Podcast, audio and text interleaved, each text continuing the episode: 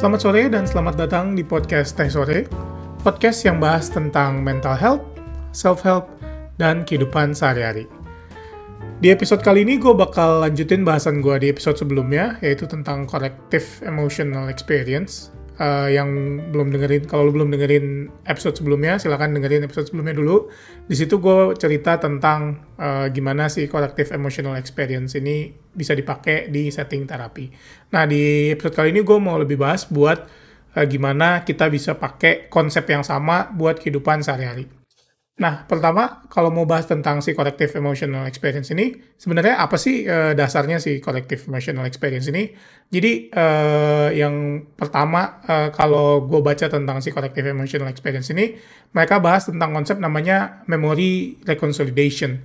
Jadi uh, memory reconsolidation itu uh, paham atau uh, sebuah ide uh, di neuroscience bahwa ketika seseorang uh, menyimpan sesuatu di ingatan mereka, uh, uh, classical view-nya itu kita mengingat sesuatu, terus kita simpan itu di memori kita, terus setiap kali kita mencoba uh, mengingat kembali retrieve memori itu, kita ngambil dari originalnya gitu, original copy-nya gitu. Ini ide ide konservatifnya gitu, yang yang originalnya gitu.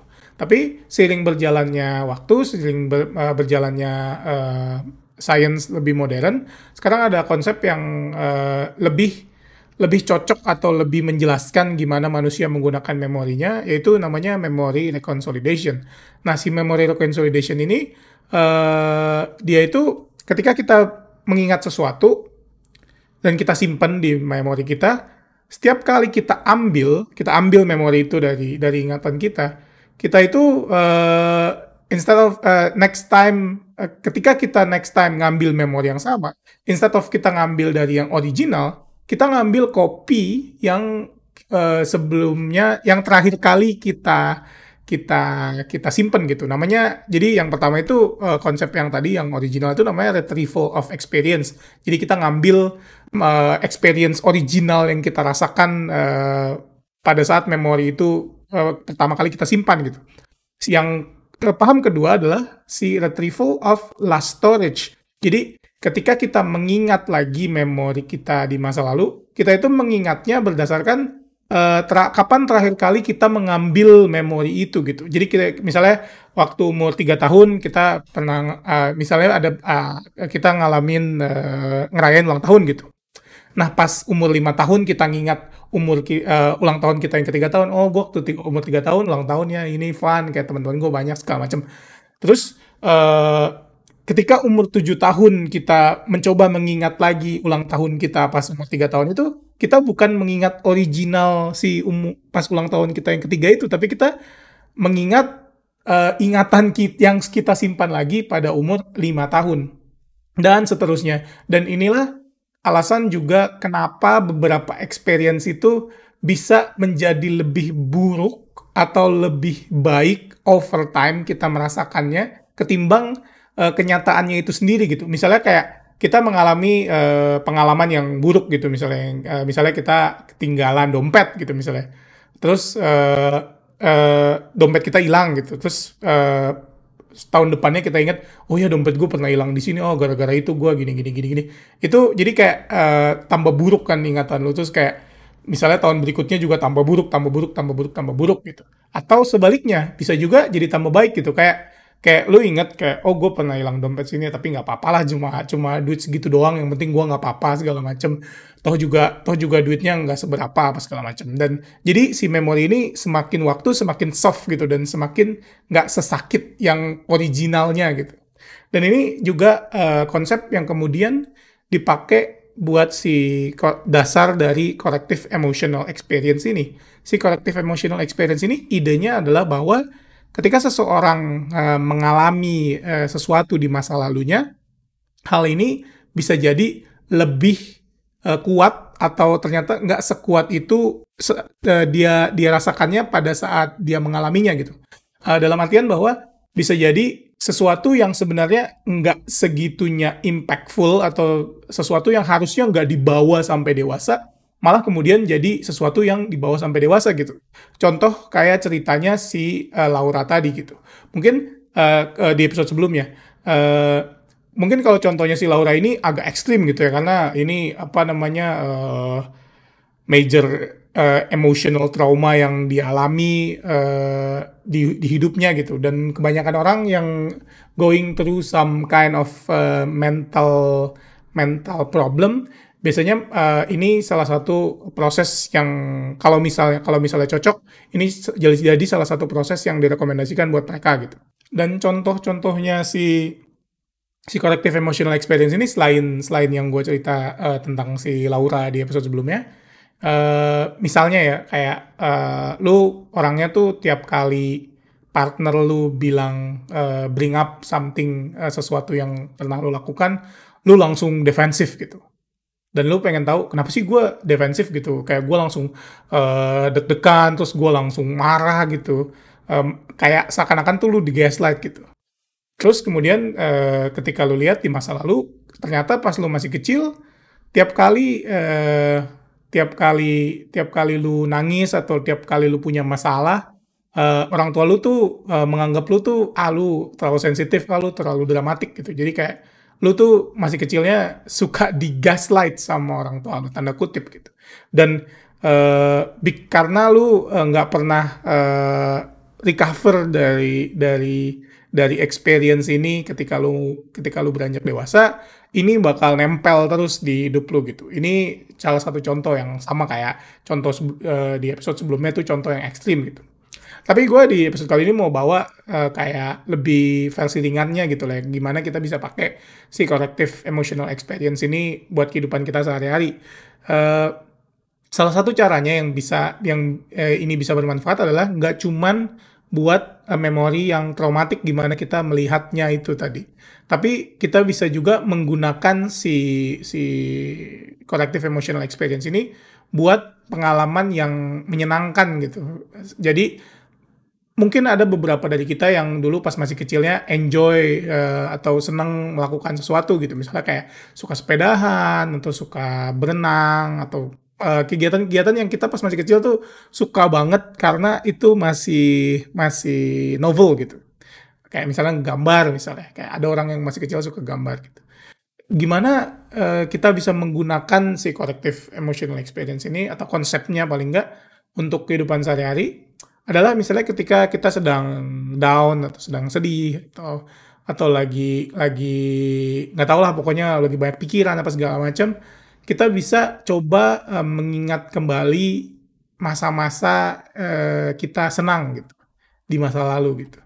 Uh, coba ingat lagi kayak uh, waktu lu masih sekolah, waktu lu masih main sama temen-temen lu, atau bahkan lu bisa juga kalau lu ada waktu dan ada ada kesempatan, lu bisa juga uh, kunjungin lagi gitu tempat-tempat itu gitu tempat-tempat yang pada saat itu membawa lu ke, ke kebahagiaan gitu. Kayak lu misalnya pas masih kecil lu suka banget main time zone gitu kayak uh, dan dan itu membawa memori positif gitu buat lu gitu. Entah pada saat itu lu reconnect sama orang tua lu entah pada saat itu lu connect sama temen-temen lu di sekolah. Jadi kayak uh, si si dengan kita revisit uh, masa lalu kita ini kita bisa membawa lagi si positif uh, vibe ini dari dari dari dari kehidupan masa lalu kita ke kehidupan sekarang gitu. Dan idenya adalah bahwa dengan positif vibe ini kita bisa uh, merasakan uh, se seenggaknya sedikit hal positif yang bisa keep us going through uh, di kehidupan kita sehari-hari. Atau juga misalnya kita punya uh, pengalaman yang nggak mengenakan gitu. Atau kayak kita punya kayak behavior ya. Dan ini dan ini mungkin untuk yang kayak emotional scar kayak yang sama orang tua apa segala macam itu kayak lu butuh uh, ketemu terapis dan nanti lu di guide gimana caranya lu bisa bisa menjalani si terapi ini. Tapi mungkin untuk hal yang lebih kecil gitu misalnya kayak oh gue dulu pernah diputusin gitu kayak dan dan gue merasa banget gue merasa eh, nggak uh, nggak uh, orang yang gak guna gitu kayak gue salah gitu apa segala macam lu bisa visit lagi memori ini dan tadi kan konsepnya si si memory reconsolidation ini lu melihat dengan lu melihat uh, memori ini dengan cara yang berbeda, itu juga kemudian mengubah gimana lu uh, merespon terhadap memori ini gitu. Uh, ketika lu ketika lu pada saat itu mungkin kayak sedih banget gitu diputusin atau putus apa segala macem, terus lu lihat lagi ah anyway orangnya emang nggak orangnya nggak emang nggak bagus-bagus banget buat gue gitu. Orangnya juga gimana-gimana banget gitu. Dengan lu reassure diri lu kayak gini lu bisa melihat masa lalu lu dengan dengan cara yang berbeda dan dan juga menghasilkan beneran rewiring uh, uh, kepala lu gitu. Kayak gimana lu mengexperience hal itu gitu. Dan ketika lu lakukan ini sekali dua kali tiga kali empat kali ini bakal bakal membawa si memori ini menjadi lebih positif, lebih positif, lebih positif. Karena konsepsi uh, memory consolidation tadi. Nah ini menurut gue uh, topik yang lumayan menarik gitu ya tentang memori dan tentang uh, past experience gitu. Karena ini juga salah satu topik yang gue gua gua seneng baca itu tentang development psychology. Kayak gimana seseorang itu ada di hari ini itu berdasarkan apa yang dia alami di masa lalunya gitu. Dan dengan uh, seseorang itu uh, melihat lagi dirinya di mana dirinya berada setahun yang lalu, dua tahun yang lalu, tiga tahun yang lalu, empat tahun yang lalu, lima tahun yang lalu dan dan me, melihat itu sebagai sebagai, apa pun gitu sebagai pembelajaran sebagai hal yang positif sebagai sebagai bentuk rasa syukur gitu misalnya kayak oh ya gue udah berada di tempat yang lebih baik dibanding gue dua tahun yang lalu. Atau misalnya oh gue gua lima tahun yang lalu tuh gue seneng banget gue bisa melakukan ini gitu. Misalnya lu kayak misal lu kayak down banget sekarang di kerjaan gitu kayak kerjaan lu stres apa segala macem terus kayak lu lu butuh motivasi gitu kayak uh, eh, gue butuh motivasi apa sih yang bisa gue bawa ini dari tempat kerja ini gitu. Kayak udah gak ada motivasi lagi gitu. Kayak lu pengen pindah kerjaan tapi kayak lu nggak nggak nggak ada nggak ada motivasi buat melakukan itu gitu. Terus lu ingat lagi pertama kalinya lu dapat kerjaan itu kayak gimana rasanya kayak segala macam oh ya gue dulu pernah seneng banget gue dapat kerjaan gitu. Kayak gue pernah apa waktu kuliah gitu gue gue pengen banget kerja dapat kerjaan kayak gini gitu. Meskipun sekarang kenyataannya bagaimana gitu dan dengan revisit memory ini bisa membawa bisa membawa positive vibe di hidup kita dan juga mungkin bisa menjadikan diri kita jadi orang yang lebih lebih apa ya melihat melihat hidup itu jadi lebih positif gitu. Itu sebenarnya idenya itu, idenya si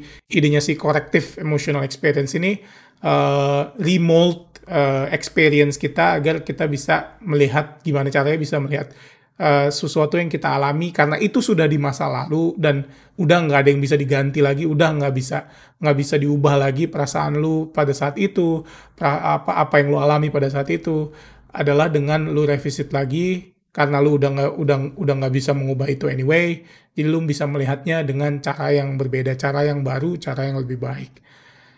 Nah sekian uh, episode kali ini, uh, terima kasih sudah mendengarkan. Uh, kalau ada pertanyaan, cerita, atau topik yang pengen lu bahas, silakan kirimkan email ke tesorepodcast@gmail.com. Jangan lupa follow uh, podcastnya kalau lu di, dengerin di Spotify. Gue Alvin undur diri.